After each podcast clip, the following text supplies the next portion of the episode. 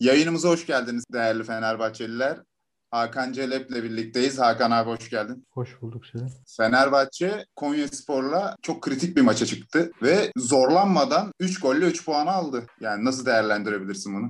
Bence Konya Spor'un e, yeni teknik direktörü İlhan Palot'un e, biraz ütopik bir oyunu vardı açıkçası. Yani sahada Konya Spor başladığı zaman ilk 20 dakikada şöyle bir Konya Spor gördük. Geride savunma dörtlüsü var. Üstelik bek oyuncusu Gilerme olmadığı için yerine stoperden bozma. E, Adil. Adil'le oynadılar. E, Adil'in karşısında da Osay Samuel vardı. Yani e, İlhan Palut sanki Fenerbahçe hiç çalışmadan maça çıkmış gibiydi. Ön libero'da da Yevtovic kaldı genellikle savunmada oyun kurucu olarak topu geriden daha iyi çıkarmak için. Sonra Konya Spor dakikalar ilerledikçe 5 geride 5 ileride gibi bir görüntüye geçti. Böyle olunca Fenerbahçe geride Jose Sosa ile oynayınca bu alanları doğru değerlendirebildi. Yani belki Pelkas değil Mesut Özil olsa Fenerbahçe bu alanları bu kadar hızlı değerlendiremeyebilirdi. Yani mesela ikinci golde Pelkas orta sahada topu çok hızlı aldı. Çok hızlı döndü ve pasını direkt atıp Osay Samuel'le e, Adil'i birebir bırakabildi. Bunu go, ikinci gol dışında önceki gollere de dönecek olursak, önceki gole de dönecek olursak Fenerbahçe sürekli olarak zaten 0-0'da da 1-0'da da Osay Samuel e, Adil eşleşmesini kullandı. Burada Erol Bulut daha önce görmediğimiz şekilde bu maçta oyun içinde bir taktik değişikliğe gitti aslında. Belki Fenerbahçe her iki kanadını da kullan kullanacaktı ama e, daha çok burada Osay Samuel'le Adil'i birebir bırakarak oynadı.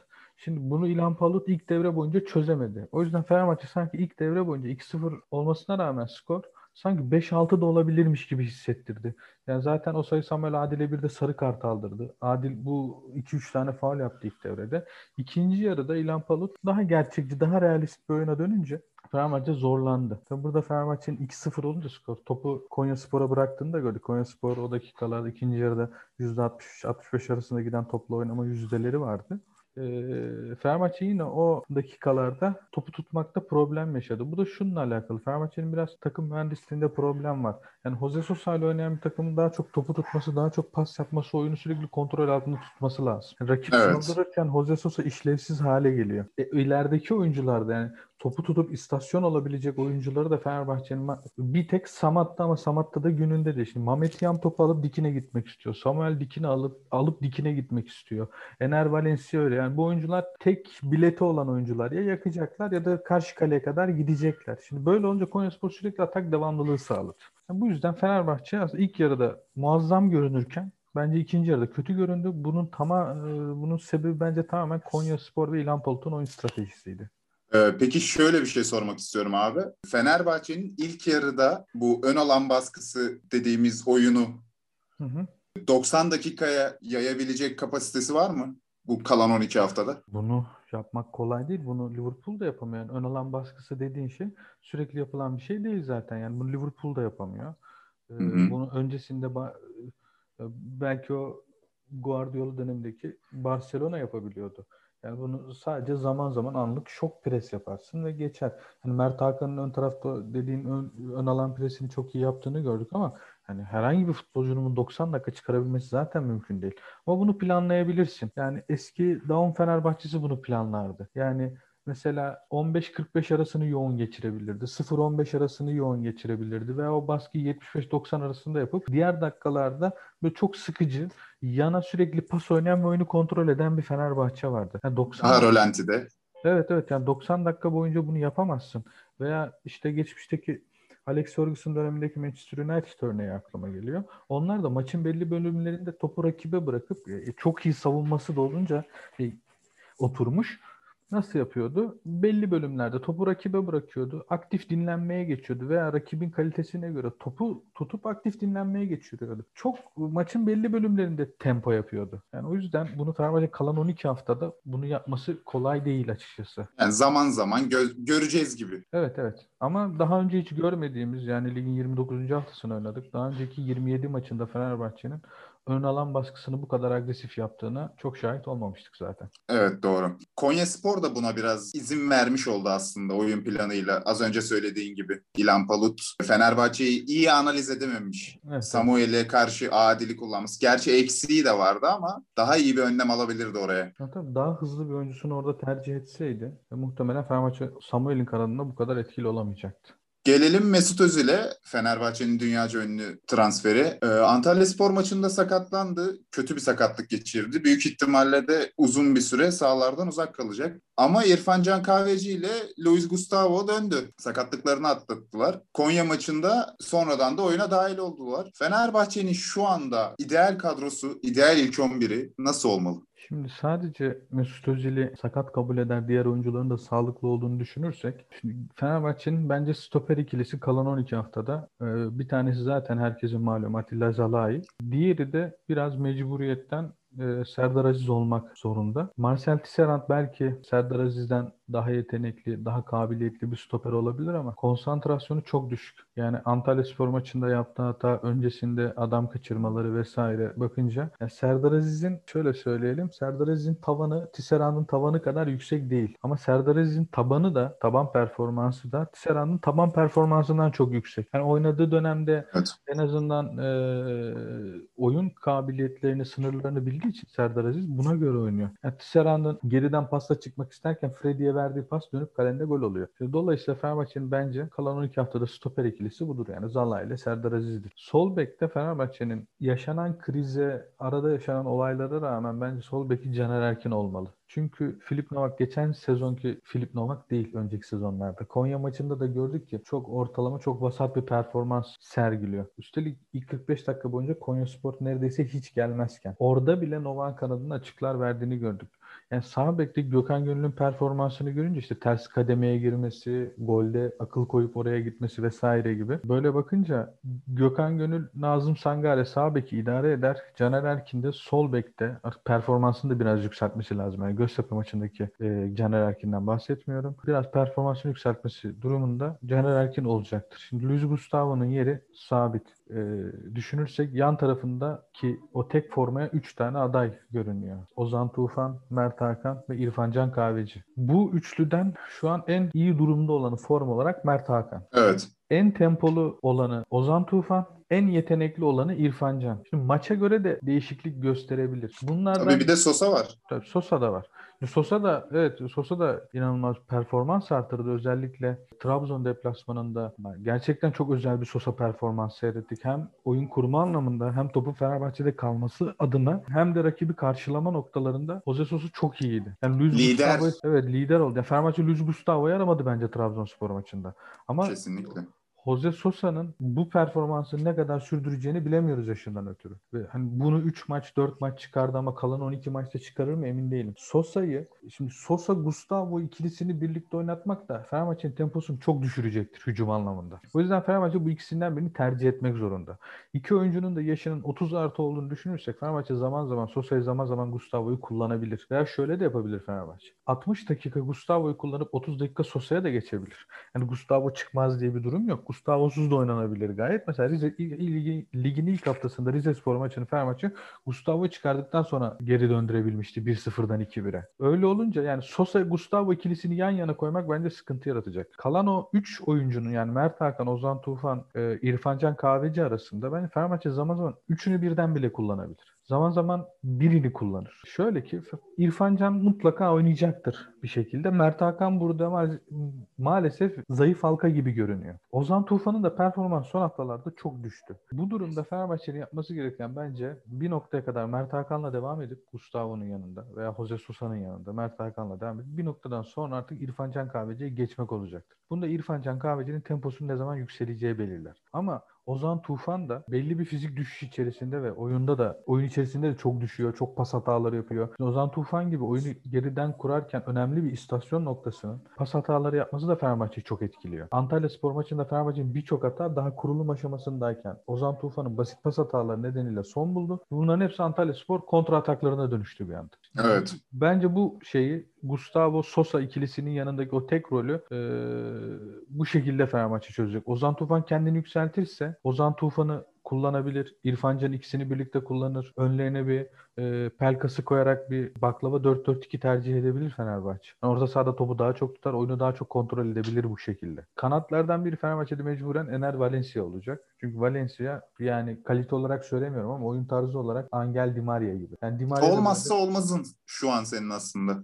Evet üretebilen bir oyuncu en azından. Şut atan, deneyen, sürekli zorlayan, sürekli savunma yapan, savunmasına destek olan enteresan bir oyuncu Valencia. Yani sürekli 90 dakika sana bir şeyler üretmek için çabalayan bir oyuncu. Muadili yok bu kadroda. Yani hani kenarda Diego Perotti olur Valencia'yı oynatmazsın. Perotti'nin çözücülüğü, tekniği yani tepeden tırnağa bir futbolcu Perotti ama Ener Valencia böyle bir, e, bu durumda şu eldeki oyuncularla Ener Valencia'dan bir kanatta vazgeçme lüksün yok. Diğer kanattaki oyuncu da Osay Samuel olmak zorunda. Niye Osay Samuel olmak zorunda? Fenerbahçe'nin kadrosuna şöyle bir baktığımızda Osay Samuel ile İrfan Can dışında birebir de adam eksiltebilecek oyuncu göremiyoruz. Bu yüzden yok evet.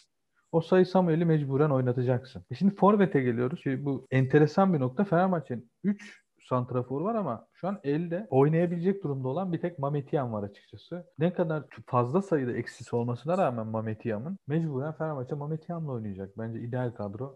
Mesutsuz ideal kadro ancak böyle olur diye düşünüyorum forvet mevkii Fenerbahçe'nin kanayan yarası şu anda. Yani şöyle bir bakıyorum. Bu Fenerbahçe kadrosunda sırtı dönük bir oyunu bilen topu tutan, istasyon olabilecek bir santrfora ihtiyaç var. Bu meziyetlerin hepsi Samat'ta da mevcut. Ama Samat da geçen sezonun ikinci devresinden itibaren büyük bir düşüş içerisinde. Yani kariyeri dibe doğru gidiyor Samat'tan. Şimdi Genk'te e, en azından 8-10 maçını seyrettim Samat'ta. Enfield deplasmanında bile sırtı dönük oyun oynar, sağ so topu tutar, sağa sola pasını oynar, takımın ileri çeker, pozisyon geldiğinde atar, savunma arkasına kaçar. Yani birçok özelliği bünyesinde bulunduran böyle elit demeyelim ama yani çok iyi bir B sınıfı santrfor. Aston Villa da zaten bu yüzden yüksek paralar verdi. Fenerbahçe de aslında ekonomik olarak zor durumda olmasına rağmen bu nedenle 6-7 milyon euroların altına girdi Samat'ta için. Ama bu sezonki Samat'ta toplara yetişemiyor. Son vuruşları yapamıyor. Nadiren yapabiliyor bunu. Sırtı dönük oyun oynayabiliyor. Yani Fenerbahçe iç sahada Samat'la ile oynayabilir mesela. Sırtı dönük evet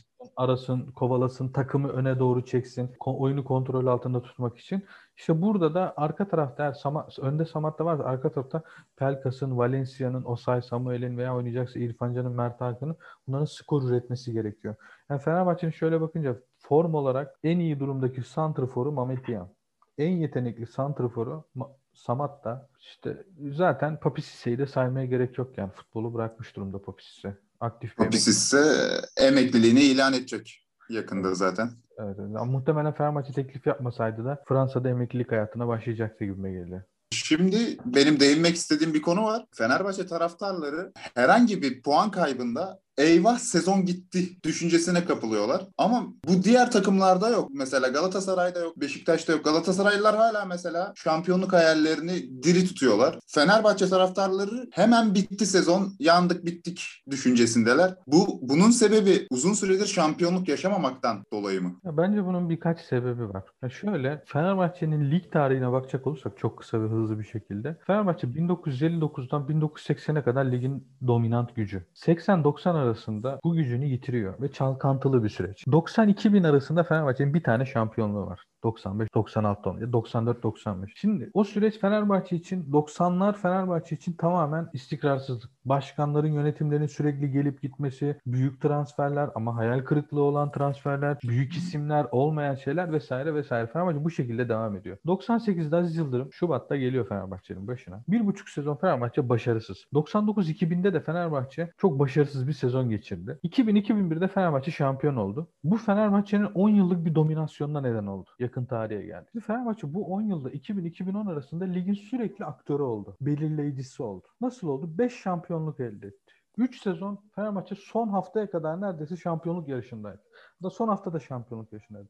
Sadece iki sezon. Beşiktaş'ın 100. yılında Fenerbahçe Ligi 6. bitirdi. Bir de yanlış hatırlamıyorsam 2007-2008 olması lazım. Ligi 4. sırada bitirdi. Şimdi bunlar dışındaki her sezon Fenerbahçe son ana kadar şampiyonluk kovalayan takımdı. Sonra 2011 yaşadık. Yani 2010'lar 2020'lere geçiyorum. 2011'ler 2011 sezonunu yaşadık. Fenerbahçe geriden geldi ve şampiyon oldu. Hatta şeye dönelim. 2003-2004 sezonunda Fenerbahçe Beşiktaş'ın devre 17. haftaya e, ara döneme 8 puan geride girdi. E, Rize maçı iptal edildi. Fenerbahçe 8-11 puan o civar bir şekilde gerideydi. Sonra Fenerbahçe sezonu Beşiktaş'ın 20 puan önünde tamamladı. ikinci yarıda. Evet. O arada bir Nobre transferi vardı sadece. Ya çok büyük bir isim de gelmemişti ama Nobre o takım için nokta atışı bir santrfordu. Fenerbahçe o 10 yıllık süreçte 2000 ile 2010, 2000, 2000 ile 2011 arasındaki oynadığı maçlarda Fenerbahçe sürekli şu hissi verirdi. 2-0 geride ama 3-2'de kazanabilir hissini herkese verirdi. Fenerbahçe karşı kimse e, rahat olamazdı sahada. İki farklı üstün olsa bile. Zaten Fenerbahçe'nin o Galatasaray'a karşı Kadıköy'deki serisi de 2000'lerde başladı. Şimdi 2011'e kadar bu şekilde Fenerbahçe ligi dom- domine ederek geldi. 2011'de 3 Temmuz yaşandıktan sonra Fenerbahçe spor kulübü olma özelliğini bırakıp daha geniş bir tanıma geçmeye çalıştı. O sivil toplum kuruluşu olmaya çalıştı. Şimdi Fenerbahçe sivil toplum kuruluşu olma iddiasını belli alanlarda başarıyla yerine getirmiş olabilir. Doğrudur ama bu sefer Fenerbahçe ekonomisinin de geri gitmesi nedeniyle 3 Temmuz'da üst üste Şampiyonlar Ligi katılım hakkı almasına rağmen katılamaması veya lig ikincisi olduğu durumlarda Şampiyonlar Ligi formatının değişmesi nedeniyle yüksek geliri e, istikrarlı hale getirememesi nedeniyle Fenerbahçe yavaş yavaş borçlanan ve küçülen bir kulüp haline geldi.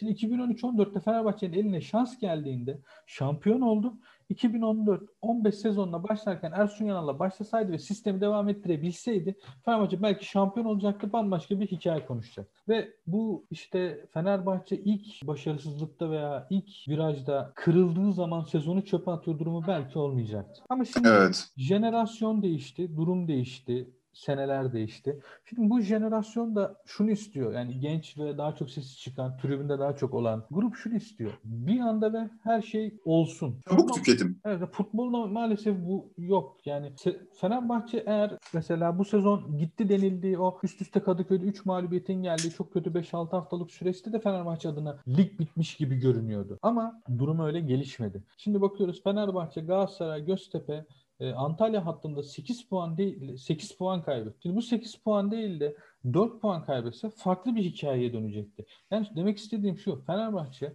kırılmaması gereken yerlerde kırılıyor. Ama bu bence uzun süredir şampiyonluk yaşamamaktan kaynaklı değil. Fenerbahçe çok uç sınırlarda yaşıyor her şeyi. Yani yıkıldığı zaman da çok yıkılıyor. Ya da bir maçı bir maçı kazandığı zaman mesela Konya deplasmanı kamuoyu Fenerbahçe'nin hem Fenerbahçe taraftar ıı, topluluğu hemen şey istiyor. Takımını şampiyon görmek istiyor. Şimdi Beşiktaş maçı mesela. Fenerbahçe Beşiktaş maçından beraberlikle ayrılırsa muhtemelen puan farkı 5 kalacak değil mi aralarında? Diyelim ki Beşiktaş Evet tabii Beşiktaş e, o güne kadar kayıp yapmazsa. Evet. Yine de lig bitmemiş olacak. Şimdi kim derdi ki Galatasaray Ankara gücü deplasmanında yenilecek? İçeride de Sivas'la berabere kalacak. Şimdi Galatasaraylılar bile bu maçlara bakarken 3-3 yazarak devam ediyordu. Veya Kesinlikle. işte haberler de bu yönde çıkıyordu. Biraz şimdi Galatasaray muhabiri de Galatasaray 8 üst üste kazanınca sıradaki 5 maça bakıyor. Hatay deplasmanına kadar 3 puan yazıp 13 maçlık rekorda gözü var diyor. Şimdi Fenerbahçe'ye bakıyorsun. Fenerbahçe Beşiktaş'ta kader maçına çıkacak. Şimdi Fenerbahçe Konya ile kader maçına çıktı. Fenerbahçe Trabzon'la deplasmanda kader maçına çıktı. Şimdi Trabzon maçına bakıyorum. Ligin bitimine 16 hafta kala nasıl kader maçına çıkabilir? Sürekli yani, bir ölüm kalım maçı var Fenerbahçe için. Şimdi böyle olunca yani sürekli ölüm kalım mücadelesine girersen yani 3 tane kalsan bir tanesinde ölüyorsun. Fenerbahçe o öldüğü noktada hakikaten ölüyor. Şimdi ölmemen gerekiyor. Son ana kadar devam edeceksin. Yani demek istediğim bu. Fenerbahçe bu sezon devre arasına 2004-2005 şey 2003-2004'teki gibi 8 veya 11 puan geride girseydi Erol Bulut gitmişti. Muhtemelen Emre Belözoğlu gitmişti. Ali Koç da sezon sonu herhalde bir daha aday olmazdı. Ama dediğim gibi bu bir süreçtir yani. Fenerbahçe şimdi bu kadrosuyla eksik görülen de bir iki noktası kalmış Fenerbahçe kadrosunda. Diyelim ki bir tane Samatta'yı denedin olmadı ama bir tane daha santrafor deneyebilirsin. Daha iyi bir atış yapma hakkın olur. E bir tane belki e, stoper daha eklersen böyle kaliteli yani Lemons Tisserand gibi şey değil ama e, Zalay da sürprizdi gerçi ona bak yani 3-4 tane deneyip Zalay da tutturdu. E bir tane stoperinde bulduğu zaman Fenerbahçe kadrosu zaten derinliğiyle ligin en geniş en kaliteli kadrosu. O zaman yıkılmaya gerek yok. Fenerbahçe bu sezon olmasa bile gelecek sezon şampiyon olabilir ve bunun üstünden devam edebilir umutlarını bu yönde koruyabilir. Ya fut, futbolda sezon bitmiyor. Şampiyon olunca da bu sadece bir sezon sürüyor. 15-20 gün konuşuyorsun ve sonra devam ediyorsun. Fenerbahçe'nin artık hayatına her maç ölüm kalım maçı değil, her maç bir gelişim maçı veya bir adım geri gitme o da olabilir. Yani Antalya ile berabere kaldığında Fenerbahçe şunu gördü. O maçta çok kritik 2 puan kaybetmesine rağmen Fenerbahçe şunu gördü. Çok adamla da saldırabileceğini gördü. Erol Bulut üst üste santraforlar, hücum oyuncuları da koydu sahaya ve bu şekilde bir bir yakaladı. Belki de ligin şu an en kapalı savunması, endiri savunması Antalya Spor'a karşı maçı da kazanabileceğini gördü. İşte Erol Bulut da bunları görüyor. Şimdi Fenerbahçe önündeki kadroya bakacak ve şey diyecek sadece. Ben yavaş yavaş hocam da dahil olmak üzere gelişiyorum. Erol Bulut da bu süreçte üst üste kaybedince ve tepeden baskı gelince o da dağıldı. Dağıldığına çok şahit olduk. Çok normal ama bu yani. Onun da dağılması, baskı hissetmesi. Fenerbahçe'nin biraz tepki aralıklarını düşürmesi gerekiyor. Bence bu uzun süredir şampiyonluk yaşamaktan kaynaklı değil. Fenerbahçe'nin 2011'den sonra yaşadığı krizlerle alakalı bence bu durum. Yoksa dediğim gibi 2000-2011 arasında da Fenerbahçe sürekli bir şekilde şampiyon olacağım ya da bir şekilde bu maçı kazanacağım diyen bir mentaliteye sahipti. Hadi çok yakından bir örnek verelim. Fenerbahçe bu sezon Obradovic'i gönderdi. Yerine Kokoşkov geldi. İlk 15 maçta Fenerbahçe 5 galibiyet, 10 mağlubiyetle 17. sıradaydı Euroleague'de. Hı hı. Sonraki 12 maçının 11'ine kazandı Fenerbahçe. Bak bu işte şubenin, oradaki yönetimin, basketbol şubesi apayrı bir yönetime sahip. Oradaki yönetimin bir şekilde kazanacağını bilmesiyle Kokoşkova sabretmesiyle alakalıydı. Ve o gen, o çünkü kadronun da bir şekilde hafızası olan Veseli gibi bir oyuncu var. Ee, Büyük tecrübe geçen sezonu yaşayan Nando De Colos var. Bir şekilde Fenerbahçe geri döneceğini gördü. Biliyordu da. İki tane Guduric'i ekledi. Hafızası olan, Fenerbahçe basketbol hafızası olan bir oyuncuyu daha ekledi. Nando De Colo yükseldi. İşte mesela Okuyun de transfer edildi veya Alex Perez de transfer edildi ama çok başarısız da diyebileceğin transferler oldu bunlar. Ama Fenerbahçe 12 maçın 11'ini kazanarak bugün Final Four yapabilir miyim? Acaba ilk dörde girebilir miyim hesapları yapmaya başladı. Üstelik bütçesi şu an içinde bulunduğu takımların belki de en düşüğüyken bunu başardı. Fenerbahçe futbolunun da Fenerbahçe basketbolunun özgüvenine ihtiyacı var bence. Kesinlikle. Ee, son olarak Fenerbahçe Teknik Direktörü Erol Bulut'un Fenerbahçe'ye oynattığı oyun yeterli mi? Şimdi bu bir tek bence...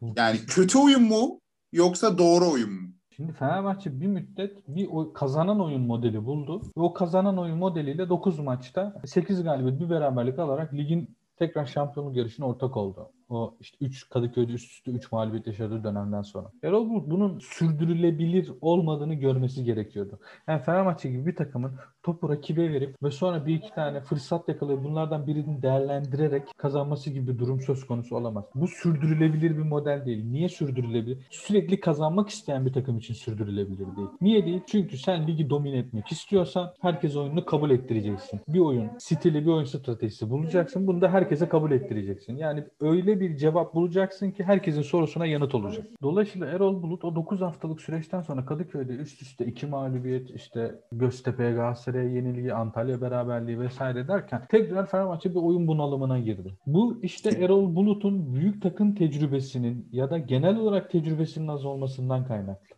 İşte Erol Bulut eğer Fenerbahçe veya Fenerbahçe muadili takımlarda birkaç sezon çalışmış, birkaç farklı kötü senaryo görmüş olsaydı burada telaşı düşmezdi. Hemen alternatif bir formülü masaya koyardı. Mesela hafızalarda belki o sezon çok vasat bir sezon olarak geçmiş olabilir ama Dick Advokat döneminde Fenerbahçe böyleydi. Advokat 2-3 hafta işler kötü gidince ilk geldiğinde hemen yeni bir model ortaya koydu. Bu yeni modelle işte dediğim gibi Galatasaray içeride dışarıda yendi. Beşiktaş'ı Vodafone Park'ta yendi ve ilk oradaki mağlubiyeti tattırdı Beşiktaş'a. Trabzonspor'u deplasmanda Fenerbahçe 4-0 yendi o sezon. İçeride Trabzonspor'u yendi. Üstelik bunu şimdi bakınca şöyle bir kadroyla yaptı. Josef'le Mehmet Topal'ın önünde 10 numara olarak Alper Potu oynattı. Bir kanatta e, Volkan Şen oynattı. Diğer kanatta Jeremy Lens ile devam etti. Bak bu Lens o yarım sezondan sonra hiçbir kulüpte yani Karagümrük'te bile direkt ilk 11 oyuncusu olamadı. Dikiş tutturamadı hiç. E şimdi böyle bakınca Erol Bulut'un bence bu sezon artık çok geç bunun için ve oyunu da tabii ki yeterli değil Fenerbahçe seviyesi için. Ama bence gelecek sezon da Erol Bulut devam ederse bence herkese cevap olacak o oyunu ortaya koyacaktır diye düşünüyorum. Abi çok teşekkür ediyorum. Ben teşekkür ederim. Ee, dinleyenlerimize de çok teşekkür ederiz. Bir dahaki yayınımızda görüşmek üzere. Görüşmek üzere. Hoşçakalın.